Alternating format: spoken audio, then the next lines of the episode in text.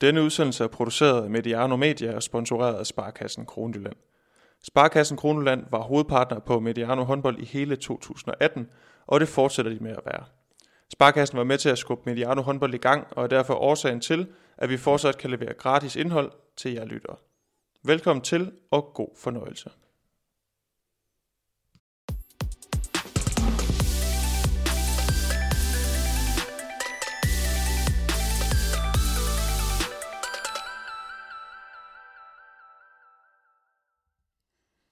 Velkommen til VM Special nummer 12 fra Mediano håndbold. Mit navn er Jakob Gren. Jeg er endnu en gang vært, og endnu en gang har jeg Oliver Jørgensen med mig i studiet, som stadigvæk er træner i Tostrup, og som stadigvæk arbejder for HRØ. Øhm, velkommen Oliver igen. Mange tak.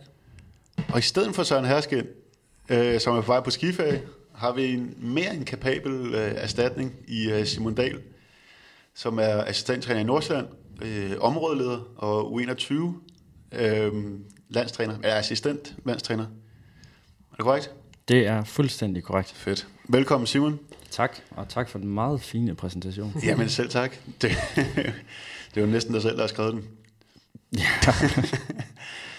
øhm, nu skal vi nok være med at snakke om Nordsjælland. Det har jeg lovet dig. Øhm, så lad os snakke om VM. Har du fået, fået set noget VM?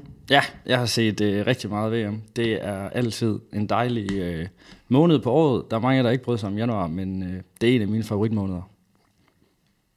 Oliver? Ja, det kan jeg jo kun give ham ret i. Ja, men det, hva- men hvad med kvaliteten ved VM? Har du været sådan overordnet øh, positiv, negativ overrasket? Jeg har været øh, rigtig positivt overrasket over, hvor godt forsvarsspil jeg har set fra mange hold, og hvor meget øh, fysik, der er blevet brugt i øh, forsvarsspillet. Det er noget, jeg savner øh, herhjemme, øh, særligt i øh, ungdomsrækkerne, men egentlig også til dels i den danske håndboldliga. Så det glæder mig at se, at man på absolut topniveau må gå hårdt til hinanden.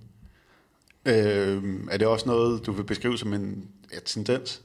Ja, det synes jeg. Jeg synes, at det er tydeligt at se, at der bliver mere og mere fysik i øh, herrehåndbold. Der bliver mindre plads at spille på, og de dueller, man har med hinanden, de bliver hårdere og hårdere. Hvad, hvad, hvad er så, der gør, at du tror, at det ikke øh, har slået igennem i Danmark nu? Ja, og jeg ved ikke, om det ikke har slået igennem, men jeg, jeg synes, der er sådan en tendens til, at vi må lidt mere... Øh, nu havde vi jo selv fornøjelsen af at deltage i slutspillet sidste år, hvor vi i hvert fald fik en oplevelse af, at der kunne vi godt mærke, at man må hakke lidt mere til hinanden, end man må sådan i, øh, i grundspillet, og øh, det håber jeg sådan bliver udbredt mere øh, sådan i løbet af de kommende år. Øhm, vi øh, sidder her efter en, den sidste runde i mellemrunden, øhm, hvor der har været en hulens masse kamp, men øh, knap så mange af dem har været så interessante i forhold til, til semifinalerne. Vi havde øh, Norge-Ungarn, som, hvor Norge var fuldstændig suveræne over et Ungarn, hold, Ungarns hold, som ellers havde øh, en hel del at spille for. Øh, vi havde en øh, Kroatien-Frankrig-kamp, øh, undskyld, som blev afviklet i et øh, endnu en gang i lavt tempo med øh, i en kamp med Kroatien. Øh, hvad har I at knytte på kommentar til den her Kroatien-Frankrig-kamp? Øh, hvad så I fra Frankrig, som skal, som skal op i en semifinal? Øh, jeg så et øh, frankhold. Jeg skal lige sige, jeg så kun øh, den ene halvleg, øh, men øh, det jeg så, det var et fransk hold, der ikke nødvendigvis øh, død og pigen havde brug for at vinde den kamp, og, øh, og øh, sparede en del ressourcer, og øh, ja, det var kampen præg for deres vedkommende. Jeg synes til gengæld, at det var flot at se Kroatien rejse sig efter den øh, uheldige oplevelse, de havde øh, den anden dag. Øh, det var rart at se dem i sådan en kamp, som, hvor man tidligere har set et kroatisk landshold bare slå op i banen, og det ikke lige gik deres vej. Der øh, kom de med noget indstilling og med noget gejst på, og øh, det var tydeligt for mig, synes jeg, at, øh, at de ville gerne øh, gå efter den her tredjeplads, som gav dem de bedst mulige vilkår i forhold til øh, OL. Så den sidste kamp, hvor vi havde øh, nogle potentielle semifinalister, det var, øh, udover Danmarks kamp selvfølgelig, det var øh, Tyskland-Spanien. Øh, 31-30 til Tyskland. Vel også lidt et udtryk for, at øh, to så stærke på papiret forsvarshold ikke gik fuldstændig til den, når der bliver scoret over, over 60 mål. Nej, jeg tror, hvis de to havde mødt hinanden, lad os sige, en, øh, i en finale, så tror jeg, vi havde... altså, vi, vi snakkede kort om, øh, da der var pause, jeg tror, den stod 17, 16 eller 17, 17 eller sådan noget, at det jo kunne nærmest have været en, en fuld, et fuldtidsresultat. Der, blev, der var ikke meget defensiv øh, gnist øh, i den kamp. Så lad os bare hoppe ud i øh, Danmark-Sverige i en kamp, hvor begge to havde, øh, havde noget på spil. Danmark øh, kører en forholdsvis øh, sikker sejr hjem. Det var i hvert fald ikke så meget i tvivl i de, i, øh, de sidste øh, 10-15 minutter. Øh, Simon, sådan øh, i overskrifter, hvad, hvad var det, der gjorde, at øh, Danmark de, øh, de tog den sejr? Det synes jeg i særdeleshed, at Danmarks 5-1-forsvar gjorde. Øh, jeg synes, Danmark var udfordret i midtzonen i det første øh, kvarters tid, men det fik de ændret ved at gå i 5-1. Øh, hvor Magnus Landin fik fjernet meget trykket ind i midten og fik fjernet noget krydsspil derinde omkring. Så blev der lidt mere øh, duelspil på baks, så det øh, fik vi egentlig løst sådan, til forladeligt. Det synes jeg var meget... Øh, det var, jeg var faktisk lidt spændt på, hvornår de ville gå i 5-1, fordi øh, EM-semifinalen sidste år var det også øh, 5-1-forsvaret, der sådan hjalp Danmark, da, de, da det så allersortest ud. Så det virker til at være et godt modtræk mod svenskerne. Ja, du skal jo trods, du skal have øh, kudos for øh, faktisk have, have, have nævnt det, I bragte, I bragte det op, inden, øh, inden kampen overhovedet gik i gang, at, at du uh, troede på, at 5-1-forsvaret kunne være, kunne være løsningen til den her kamp, og det blev jo i hvert fald en, en stor del af, af grunden til, at vi, uh, at vi fik uh, lidt, lidt bedre fat på, uh, på Sverige. Uh, Magnus Landin, var det hans, øh, sådan lige fra hoften, var det hans bedste landskamp, øh, hans bedste landskamp nogensinde? Ja, nu blev det nemt øh, nævnt, at han øh, havde ramt øh, landskamp nummer 50. Jeg husker ham ikke at spille bedre, end det han gjorde i dag. Um, og jeg synes faktisk i høj grad, nu laver han 5 på 5 fra hjørnet, det er jo imponerende, men det var faktisk i høj grad hans defensive præstation, synes jeg, der gør, at, øh, at det var en klasse, klassekamp for hans vedkommende. Ja, i et 5 forsvar som vi har set løbet af turneringen, men måske har virket en lille smule øh, vakkelvogn til øh, Simon. Ja, det er der ingen tvivl om, at det har virket sådan lidt øh, tralala undervejs. Men, øh, men jeg synes, at Magnus han har, er blevet noget mere moden i sit spil, efter øh, skiftet i sommer til Kiel. Og det synes jeg sådan for alvor, vi til den her slutrunde har fået at se på landsholdet. Jeg synes også, at han mod Norge øh, forleden øh, løste sin opgave defensivt på et meget, meget, meget højt niveau. Og det var sådan første gang, hvor jeg så ham som en international tor, og nu synes jeg også, at han løste sin opgave 5-1 på et højt internationalt niveau. Så det er, det er virkelig flot, det Magnus er i gang i lige nu. Og øh, som Oliver nævner, 5 på 5 fra fløjen. Svand også 4 på 4 på fløjen. Vel den kamp i øh, turneringen indtil videre, hvor vi har set mest til vores øh, dygtige fløje. Hvad var det, der gjorde, at øh, de kom så meget i spil i dag, Oliver? Ja, men ja, det skal også lige sige, at de går også på nogle halvspidse på nogle af dem. Ja, Svend, Men, øh, Ja, vi får, vi får bredt spillet lidt mere ud øh, angrebsmæssigt. Øh, får vores to lidt mere ud på, på de brede vinkler, og, og for, for den måde, på den måde vores fløj spiller med. med. Så blev det også et resultat af, at øh, vi fik øh, byttet lidt mere rundt, øh, og dermed også det, det blev ikke kun et tryk på, på Mikkel Hansen og på Lauke. Øh, det blev også øh, mere med nogle flere afleveringer på, og ikke kun, øh, at det blev sat op til, at vi skulle ramme noget skud i midten. Derfor fik vi også bredt det ud til vores fløj. Jeg tænker også, at der ligger noget i den måde, som svenskerne dækker på, eller dækkede på, at de i deres øh, sådan, klassiske 6-0-forsvar gerne vil tage en lidt ekstra højde på både Mikkel Hansen og Rasmus Lauke. Og det betød, at med, særligt med Mikkel Hansens afleveringsspil, kunne øh, vores baks gå lidt bredere i banen, særligt når Mikkel han lå i midtzonen, og på den måde fik øh, åbnet banen, banen rigtig fint til øh, vores fløje. Ja, øh, vores, øh, vores højrebaks fik jo fik en, nogle gunstige situationer. Det var så forskelligt, hvordan de løste dem, alt efter om det var en venstrehåndet eller, eller, eller højrehåndet. Men, men en Øres også øh, i første halvleg, øh, som vi har snakket om mange gange, det giver jo bare en anden dimension, det her med, at han kan gå ned direkte på. Øh, som vi i øvrigt også så Mikkel Hansen gøre, da han, øh, da han, da han kom over på den der højre bak, og var lidt mere, lidt, lidt mere direkte i sit spil, end jeg synes, vi så, øh, så Mensa, som godt kan lide at, at få skubbet ud til Svand, eller, eller søge ydersiden meget, meget tidligt. Øhm, er I enige i det postulat for det første? ja, jamen altså, og lige præcis hvad Simon siger, at, øh, at når de vælger at skal stå så fladt på deres to og have højde på træerne, når Lauke og Mikkel Hansen kommer ind over midten, så skaber det også de der situationer, hvor Øres han kan komme og skyde på en flad toer. Øhm, som vi jo så, jeg tror han lavede fem mål, eller tre mål de første fem minutter. Og det er jo fordi han rammer de der situationer, hvor han lige nøjagtigt er dygtig til at komme på det der løbeskud. Ja, Simon, væsentligt større roller til Morten Olsen og Nikolaj Markusen i dag. Hvad er det, de bringer til det danske spil? Jeg synes i særdeleshed, at Markusen han, øh, gør det, han er på banen for. Han øh, skyder, og han går på mål. Øh, og det var rigtig fint i dag, og det var rart at se ham øh, virkelig gå på kassen, når han nu fik chancen. Morten Olsen er øh, en mere øh, strategisk øh, anlagt spiller, er virkelig god til at sætte øh, de andre folk i scene, samtidig med, at han er farlig selv. Og jeg synes, øh, det spil, vi så i dag med Mikkel Hansen på højre bakke og Morten Olsen midt, det var rigtig spændende. Og det lignede øh, ikke noget, som svenskerne var særlig godt forberedt på. Ja, det så godt ud med, med Mikkel på højre bakken, synes jeg. Øhm, og imponerende indhop af Markusen og, og Olsen. Det er, ikke, det er ikke mange minutter, de har, øhm, har eller har haft fået i benene i løbet af, i løbet af turneringen. Tror I, øh, at det er noget, vi kommer til at se fremadrettet, det bliver sat i spil, eller skal det være stadigvæk være en dag, hvor at, øh, det ikke kører for Mikkel og Lauke? Ej, jeg kan godt betvivle, hvor meget spilletid de får i, i semien mod Frankrig, men jeg vil sige, specielt den opstilling, hvor Mikkel Hansen han startede som højre bak, synes jeg skaber nogle nye dimensioner også, fordi han kan godt skyde, når han kommer i den der store bue ind over midten. Øhm, så bliver det ikke bare den højre bak, der skal, der skal ligge og, og kaste bolden tilbage i hovedet på de to andre. Så synes jeg, giver muligheder, øhm, når vi spiller sådan. Øh, så synes jeg i øvrigt også, at altså, det var fedt at se, at specielt Nikolaj Markus, men egentlig også Morten Olsen, når han kommer ind, ikke er bange for at gå ind og, og, og lave fejl eller noget. Altså, de, de kører sgu på ved, altså Markusen når at afslutte seks gange. Jeg tror også, uh, Morten Olsen har et par afslutninger til sidst. Det synes jeg var fedt at se. Jeg tror, at Morten Olsen kommer i spil i semifinalen mod Frankrig. Uh, Morten Olsens afleveringsteknik uh, tror jeg kan komme til at gøre rigtig ondt på franskmændene. Uh, der tror jeg også, at Danmark på et tidspunkt tyr til noget 7-6-spil, hvor uh, Morten Olsen godt kan få en stor rolle. Og vel også en kamp, hvor Lauke godt kan få problemer med, med at vinde sin mand-mand dueller ind i midten. Ja, altså det bliver spændende at se, hvordan det ser ud med Lauke, men der er ikke nogen tvivl om, at Danmark bliver udfordret på fysikken i den kamp. Hvis vi prøver at hoppe lidt ned i den anden ende. Øh, vi har kort været inde på det her øh, 5-1-forsvar, som så, så rigtig godt ud. Er det, en, er det en turnering, hvor at vores forsvar stille og roligt bliver bedre og bedre, og vores øh, angreb måske kæmper lidt mere for, for målene, Oliver? Jeg synes, det er lidt svært at vurdere på grund af det modstand, vi mødte i, i de første fire kampe.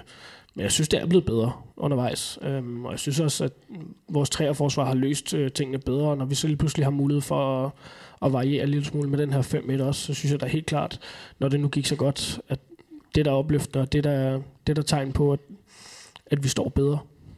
Hvis vi øh, definitivt lige kigger frem mod i første omgang semifinalen, er det noget, øh, er det noget øh, der ligger godt til at kunne drille franskmændene, Simon? Ja, det er jeg så lidt mere bekymret for. Øh, om vi på vores to baks kan stå imod det en mod en spil. Øh, vi vil møde der, og om Henrik Mølgaard alene kan løse øh, Luka Karabatic og Fabregas, så, øh, som Frankrigs stregspillere, i det der 5-1-forsvar, hvor han alt andet lige vil komme til at stå lidt mere alene, end øh, man gør i et 6-0-forsvar. Så jeg er ikke sikker på, at 5-1-forsvaret er løsningen mod Frankrig. Men det kunne være spændende at prøve at dække lidt skæv 5-1 på den. Det er jeg ikke sikker på, at de gør, men det tror jeg godt kunne være en mulighed mod Frankrig. Og i hvilken side skulle det være? Er det en Karbati, som vi ikke helt ved, hvor står? Eller deres, ja, men jeg, jeg tror, jeg vil prøve at, at dække den på Frankrigs højre baks, og så se, hvad, hvad de kunne uh, spille uh, ind i midten. Jeg er fuldstændig enig, også fordi øh, nu i, med løsningen i dag, der blev det med, med Zachariasen til at skulle dække den to, og det gjorde han jo et rigtig, rigtig fint i dag. Men, men ham med noget plads på begge sider over for de kan med mig Remilier, det, det, er, det tror jeg kunne blive et, et problem. Men vi kan blive enige om, at Frankrig nok bliver den største test øh, defensivt indtil videre, eller hvad? Ja, det tænker jeg, for jeg synes ikke, at Norges angrebsspil øh, isoleret set er øh, på samme niveau som Frankrigs, selvom Frankrig ikke har lavet mange mål ved øh, den her slutrunde. Men jeg synes, at altså, Norge kan man stå imod deres første, anden, tredje fase, så er man nået et godt stykke vej, og det var Danmark rigtig dygtige til. Primært fordi, at vi selv øh, var rigtig gode til at afvikle vores angreb, og dermed tage Frankrig eller øh, Norges kontrafase ud af spillet. Så øh, det her det bliver den første helt store test, og det er også kun fair, at man skal testes for alvor i en VM-semifinale. Jeg er fuldstændig enig også. Altså, øh, Frank- øh, Tyskland dækker en fuldstændig vanvittig kamp mod Frankrig, og Frankrig laver stadig 25 mål. Så jeg kan godt øh, have svært ved at se, at det danske forsvar skal holde øh, Frankrig øh, under de 28-30 mål. Vi så også en kamp, hvor Henrik Toft øh, spillede næsten en halv time. Simon Hall fik til gengæld kun 5 minutter. Øh, hvad, hvad ligger i det? Er det en Henrik Toft, der er ved at blive klar, eller er det bare en Simon Hall, der havde en svær, svær dag på kontoret i dag? Om jeg tror, at øh, der er ingen tvivl om, at Henrik Tofts topniveau stadigvæk er rigtig godt, særligt i, øh, når Danmark angriber. Og øh, det er jo klart, at det vil man gerne have testet, og det tror jeg også kan blive et, et godt våben mod Frankrig, sådan relativt offensiv øh, 6-0 forsvar. Der kan Henrik Toft og Anders Zachariasens ryg godt komme til at gøre lidt ondt på øh, Frankrig. Så det er jeg spændt på, om det ikke sådan, måske er en tendens, vi er på vej ind til, og Simon Halls opgave primært kommer til at ligge i det defensive mod Frankrig. Jamen, det overraskede faktisk mig lidt. Jeg, har, jeg havde lidt et indtryk af, på baggrund af et sidste par kamp, at Hall havde fået øh, noget mere ansvar, en større rolle, end, end Zachariasen egentlig har haft. Jeg tror måske også, at han bliver en lille smule offer i dag for, at øh, vi begynder at dække den her 5-1, hvor Zachariasen formentlig dækker en, en lidt øh, skarpere øh, toer, øh, specielt i her mand-mand-dueller, en halv gør. Så jo, jeg tror måske, at, øh, at der bliver ændret en lille smule i, i hierarkiet der, øh, i forhold til Zachariasen halv. Men øh, øh, han når, tro, kommer trods alt frem også til seks afslutninger, så var effektiviteten måske ikke lige, lige så høj, som man kunne have ønsket, men, men, men han gjorde alligevel øh, ondt med sin ryg inde, øh, inde på forsvaret, eller ja, på det svenske forsvar. Andre pointer, I tager med for den her kamp, øh, Simon? Nej, jeg, nej, jeg synes egentlig, at øh, det så fint ud for Danmark, og jeg tror, at de er godt rystet til en øh, semifinal. Morten Olsen og Markusen fik vist, at de er klar, når der er minutter til dem. Øh, og det var der egentlig flere spillere, der gjorde, så jeg tror, at Danmark tager til Hamburg med, med stor selvtillid og stor tro på egne evner. Jo, så kan vi sige, at vi har snakket en lille smule om øh, de sidste par gange, at Landin ikke har stået øh, to fremragende kampe i de to andre hovedrundekamp, men han stod rigtig, rigtig fint i dag. Det var dejligt at se ham op på det niveau, han skal stå på, hvis vi skal have en chance for at slå Frankrig. Men hvis vi i virkeligheden bare skal prøve at tage lidt hul på, øh, på den her øh, semifinal mod, øh, mod, mod Frankrig, og, og lad os starte med en, øh, den her diskussion, som vi har haft en, en del gange. Øh, nu så vi så noget lidt andet i forhold til Markusen og Nikolaj Markusen og Morten Olsen, der bliver, der bliver sat ind. Vi kommer til at møde et fransk hold, som nærmest har roteret fra øh, dag 1.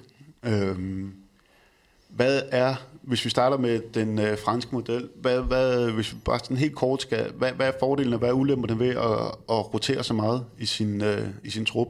Det forudsætter selvfølgelig, at man har muligheden som, som Frankrig, som har Jamen, øh, ja, i truppen nu selvfølgelig 16 minutter over det, tager de, kan de også tage en Melvin Richardson ind, som bare fra dag 1 er gået ind øh, og været en øh, dominerende skikkelse på det her hold.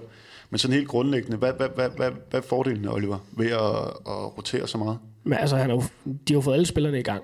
Altså, der er jo ikke nogen, der ikke har, har fået en masse spilletid på det her hold. Det vil sige, de ved alle sammen nogenlunde, hvad det er, de skal ind og, og stå for, når de, når de rammer halvgulvet. Og, og derfor så, så tror jeg måske også, at selvom situationen kan blive presset, det kan blive en tæt kamp, jamen så vil der ikke være nogen skrubler med at skal spille, øh, spille nogle af de andre spille nogle af de andre ind, fordi de har alle sammen rørt halvgulvet, de har alle sammen øh, været inde og levere. Øh, så altså, der er noget sikkerhed omkring det her med, at alle har fået film spilletid.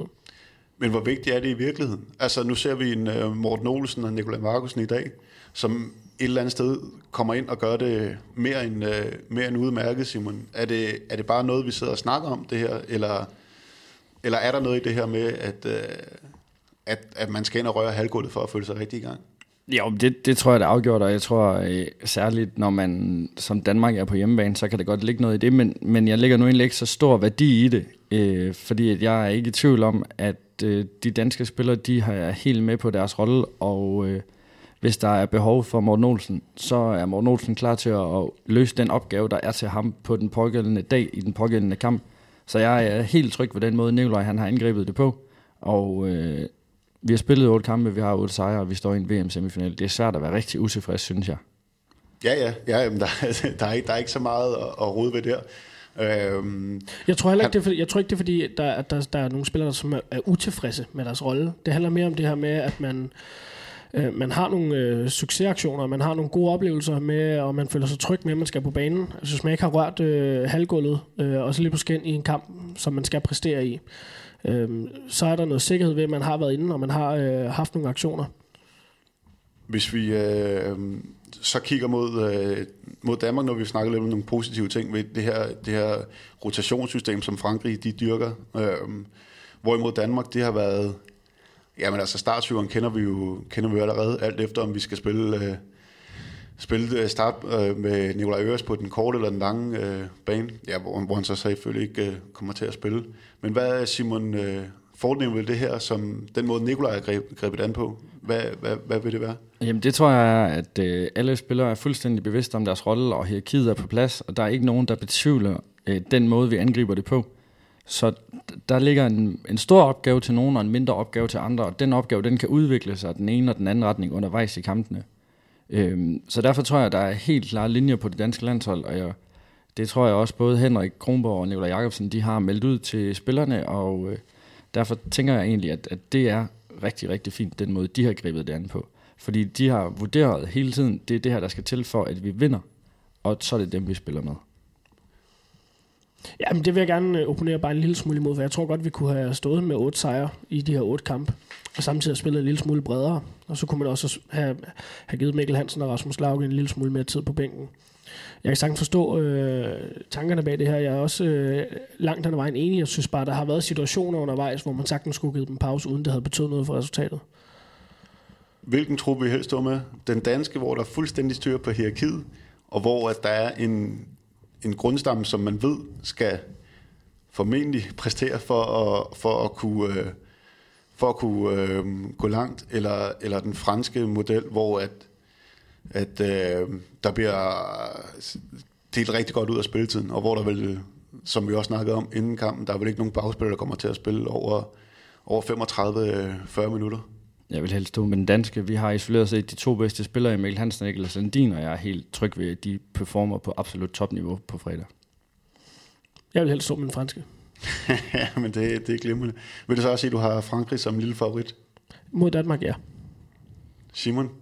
Ja, det kan godt være, at, at Frankrig på bredde og antallet af spillere, men jeg tror på, at det bliver topniveauet, der kommer til at afgøre den kamp, og der tror jeg, at Mikkel han finder en Norge-kamp igen. Vi har snakket rigtig meget om de danske profiler, og igen, vi er måske ikke så, så meget i tvivl om, hvem der helst skal, skal præstere for os. Hvem, øh, hvem tror jeg kan komme til at gøre ondt på os fra det, fra det franske hold? Det tror jeg, at øh, deres øh, højreback, specielt Remelier, de kan, med, kan komme til at gøre ondt. Specielt hvis vi skal dække øh, den her 5-1, hvilket jeg måske egentlig ikke tror, vi kommer til at ty til. Men, men jeg synes, der hvor vi er svagest, er på den venstre to og defensivt også, selvom Landin har, har dækket fint op. Men hvis det er ham eller Zachariasen, der skal dække den, så tror jeg, at vi kan komme i nogle situationer, i nogle mand-mand-dueller, hvor vi, hvor vi godt kan komme til at få det svært. Jeg er langt mere bekymret for Frankrigs drejspillere. Øh, dem tror jeg kan komme til at gøre rigtig ondt, fordi der, hvor jeg synes, vi er mest sårbare, det er på at møde de rigtig tunge og rigtig store stregspillere, fordi vi ikke selv har den samme fysik at stå imod med.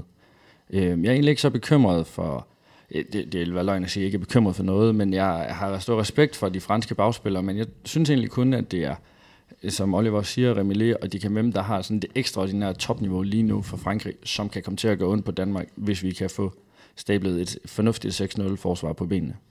Men ja, Frankrig har selvfølgelig en fantastisk stregspiller i øh, især øh, Fabregas, men Andreas Nielsen egentlig, burde det ikke også være en, øh, en ret stor test? Det løste vi vel øh, okay i dag. Ja, det synes jeg bestemt. Og det gør mig egentlig en lille smule tryg i forhold til, øh, til øh, Frankrigs, streg, øh, Frankrigs stregspillere. Undskyld.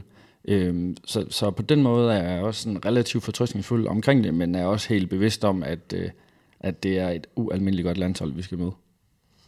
Hvis vi kigger ned i den anden ende, øh, i vores offensiv, i den franske, i den franske defensiv, øh, får vi problemer med at score mål? sådan helt kort. Øh, ah, det ved jeg ikke. Øh, altså, jeg er lidt spændt. Altså, hvis jeg, lige, det, jeg, jeg er bare stadigvæk, jeg er stadigvæk sådan lidt, jeg ved sgu ikke helt, hvor det franske hold er, selvom vi har set dem i en, øh, tæt på en hel turnering nu. Jeg var lidt i tvivl om, hvor de stod inden, og jeg, jeg synes stadigvæk, jeg, jeg er sådan lidt i, lidt i tvivl. Øhm, kan du, øh, kan du komme lidt klogere? Jamen, de har stået godt defensivt. Altså, det ser, det ser skarpt ud, når, når øh, Luka Karabatic og, og Fabregas står dernede. Også når de kan sætte Nikola ind. Øh, så synes jeg det, og de Brandar også, er det en rigtig, rigtig stærk fireblok. Og jeg er lidt spændt på, hvordan de kommer til at dække den her 6-0 mod Mikkel Hansen. Altså, hvor meget højt det kommer de til at tage. Øhm, og det tror jeg også bliver lidt en nøgle, det er, får vi åbnet op udefra, eller får de pillet vores, øh, vores skud fra 9 meter væk. Og det, det tror jeg ikke, de gør, fordi at jeg tror, at Mikkel, han, øh, at Mikkel Hansen kommer til at være helt ekstraordinær igen, og som øh, jeg sagde tidligere, så tror jeg, at øh, særligt Henrik Tofter og Anders Zachariasen kan komme til at gøre ondt på det her franske forsvar øh, på deres ryg. Og øh, så tror jeg, at øh, Danmark de kommer til at spille noget 7 mod 6 øh, for at få den trykket lidt tilbage. Og øh, det er jeg også spændt på at se, hvordan Frankrig øh, vil løse Danmarks 7 mod 6 spil. Hvis Danmark tyrer til det selvfølgelig, men det, det tror jeg nu, de vil. Det bliver i hvert fald, øh, det bliver i hvert fald spændende. Nogle pointer, inden vi øh, prøver at kigge lidt over mod den anden semifinal? Jeg håber, Danmark vinder. Ja, Ja, det, det tror jeg, jeg alle sammen. Jeg vil sige, at målmandsduellen bliver, er jo selvfølgelig afgørende i, i samtlige håndboldkampe. Det bliver lidt sjovt at se, om, om det bliver øh, Girard, eller om det bliver Niklas Landin, der kommer til at stå med, med højst redningsprocent. Mm-hmm. Mm-hmm. Hvad hedder det? Øh, lad os kigge mod, øh, mod Tyskland. Øh, de skal møde Norge. Det synes jeg også er en vildt interessant kamp. Øh, et norsk hold, som har scoret et havermål mod øh, nogle tyskere, som udover i dag har stået virkelig, virkelig solidt defensivt. Hvis vi skal øh, sådan helt øh, basalt kigge, øh, kigge frem mod, øh, mod, øh, mod den kamp, hvad er sådan øh, nøgle, nøgle øh, hvad skal man sige, øh, opgør i den kamp? Det tror jeg bliver, om øh, Norge kan komme til at løbe med Tyskland. For jeg tror, at Norge får svært ved at lave rigtig mange mål, øh, 6 mod 6. Men øh, kan de forgrænge deres kontrafase, og sådan som øh, Sander og Jøndal, de har spillet på det seneste, så, øh, så, så virker det til at være en, øh, en, et rigtig godt våben. Og øh, det er spændt på, hvordan tyskerne vil takle, fordi det synes jeg ikke, de sådan rigtig er blevet øh, mødt af endnu. Nogen, der bare vil trykke løs i den øh, kontrafase. Jamen, det, det er jo lidt taget ud af min mund. Jeg skulle også øh, til at sige, den norske kontrafase, det bliver fuldstændig afgørende, fordi øh, 6, øh, hvad hedder det, 6 mod 6 i det stationære, der tror jeg, de får rigtig, rigtig svært ved at mål, som Simon også siger. Så det bliver et spørgsmål om, hvor, hvor godt den defensiv, norske defensiv den kommer til at stå, så, de kan trykke øh, både første bølgerne, men også i høj grad anden bølge med, med Sander og, og O'Sullivan. Og så tror jeg, det bliver en fuldstændig vanvittig kulisse, den semifinale bliver afviklet i. Altså, tyskerne er fantastiske til at gå til sport i det hele taget, i særdeleshed håndbold. Så øh, det bliver et kæmpe tryk, som øh, nordmændene kommer ud for. Det er også spændende at se, hvordan de øh, står imod det. Og et norsk hold, som har øh, spillet en, spillet en solid turnering. En, øh, en kamp mod Danmark, som, øh, hvor, hvor de ikke lige, lige ramte niveauet. Hvad, er det bare, fordi Danmark er bedre, eller, eller ser I Norge som det var, øh, det var bare ikke lige deres dag mod Danmark. Nå, men jeg, altså jeg synes, Norge ramte ikke topniveau, og Mikkel Hansen ramte jo et uhørt højt niveau, og når Mikkel Hansen rammer det niveau, så er der ikke særlig mange landshold, der kan slå Danmark. Øh, og det kunne Norge heller ikke. Så øh, at, man plejer jo at sige, at man må spille øh, en dårlig kamp i en slutrunde, og hvis det var Norge, så er det jo egentlig meget godt givet ud. Mm. Og så har de en uh, Magnus Rød, vi har snakket om uh, i, i optagtene, om alle de her vanvittige højrebaks, uh, Norge havde. Nu står han som det suveræne og klare øh, førstevalg. Er det årets, øh, eller den her, øh, hvad skal man sige, slutrundes helt store positive overraskelse på, på spillerfronten? Er i hvert fald en af dem. Altså, nu har der stået Ken Robben Tønnesen på den højre bak de sidste par år, og da han blev, øh, da han blev skadet, så har han måske regnet med det, at Eivind Tang og, og Harald Reinken, de skulle, de skulle dele tiden, men han har bare været fremragende. Altså, og så kan han også dække den her toer øh, på et rigtig, rigtig højt niveau. Så altså, det er virkelig, virkelig en flot turnering, øh, Magnus Rød har spillet indtil videre. Simon, øh, har øh, tyskerne evnerne til at, at spille så godt angreb, at, at de kan holde den her norske kontrafase væk? Det er jeg ikke sikker på. Øh, det er jeg faktisk ret meget i tvivl om, om de har. Men øh, spørgsmålet er, om de ikke øh, får lov til at spille øh, nogle ekstremt lange angreb med øh, ekstremt mange afleveringer som måske kan gøre nordmændene lidt utålmodige, og måske kan få Bjørnsen og Jøndal til at 20 starte lidt, og på den måde øh, få sat øh, tyskernes løje lidt i scenen. Det er, det er meget spændt på, hvor lang tid Tyskland får lov til at spille. Nu har vi jo snakket om den her norske kontrafase, hvilket også gør, at der selvfølgelig kommer mange, øh, mange øh, boldbesiddelser i, øh, i, deres, øh, i deres kampe. Men det norske forsvar har vel, hvordan, altså, det har vel stået okay, synes jeg, i, øh, i store dele af turneringen? Ja, jeg, jeg har det ikke helt op på niveau med, med det franske og det tyske forsvar, øh, men det har stået fint. Altså, Magnus Gullerud inde i midten har gjort det rigtig, rigtig udmærket, og det er jo klart, at Sander Sogosen skal jo ofte med ned og stå. Magnus Rød står også en fin tor. Øh, fireblokken er ganske udmærket. Jeg tror også godt, de kan sagtens holde øh, tyskerne ned på, på ganske få scoringer. Spørgsmålet er mere, om de sig selv kan, kan lave særlig mange mål. Jeg er faktisk ikke så imponeret af den norske defensiv, og heller ikke af deres målmandspræstationer. Det jeg bare synes, der er så ekstremt ved øh, Norge, og i særdeleshed deres målmand Jesper Christensen og Tøbjørn Bergrud, det er, at når de har redninger, så er det altid kontrollerede redninger, som de kan sætte et kontraangreb i gang på. Og når der går mål ind på Norge, så er de så ualmindeligt dygtige til at få fat i bolden og få den tyret op på midten, at Ben Møller han må stå nede i GOG og være ekstremt misundelig. øhm, hvad hedder det, øh, Jøndal. Hvad, hvad, hvad, hvad sker der med ham? Altså, øh, han, har, han har været nærmest helt, øh, helt ekstrem. Jeg, jeg tror aldrig, jeg har set ham øh, spille så godt. For, kommer, det, kommer det til at fortsætte? Altså, øh, jeg, han var jo nærmest slået af nede i, øh, nede i, nede i GOG, og nu... Øh, altså, det er jo helt, det, det, han har jo ramt en eller anden vanvittig turnering. Han, han ligger vel nærmest til at gå på det her All-Star-hold. Jamen, Jøndal, han lider af sådan en klassisk landsholdssyndrom. At hver gang øh, han kommer i landsholdstrøjen, så hæver han lige niveauet øh, et par et par, et par takker. Øh, han spiller sgu næsten altid godt, når han tager landsholdstrøjen på. Ja, jeg må sige, at jeg er særdeles imponeret, også fordi, at det er jo ikke fordi, han sådan bare har brændt den af i Flensborg det her halve år. Nej, men øh, han har delt gjort det godt, og øh, det er jo rart at have en fløj, man bare ved, man kan lægge bolden ud til, og så er der mål. Og modsat har Tyskland vel den diametrale modsætning i Patrick Grøtski. En fløj, som ikke scorer på noget som helst. Ja, man må i hvert fald sige til Norge, at de må ikke lave straffe på ham, for guds skyld. Nej. Jamen for mig den helt store individuelle skuffelse ved det her, den her slutteren. Han, han får lov til at spille øh, alene på den tyske højrefløj. Han har lavet 11 mål. Ja, på vel, ja, det ved ja, jeg ikke, mange, i, på mange forsøg. Men, øh. jamen det, han har simpelthen været så, øh, så sløj i sine afslutninger. Det har været, det, det ligner ham ikke. Nej, men jeg, jeg synes, at omkring er der en pointe i, at, at det er sjældent, at han laver mange mål. Altså, det gør han jo heller ikke hjemme i klubben.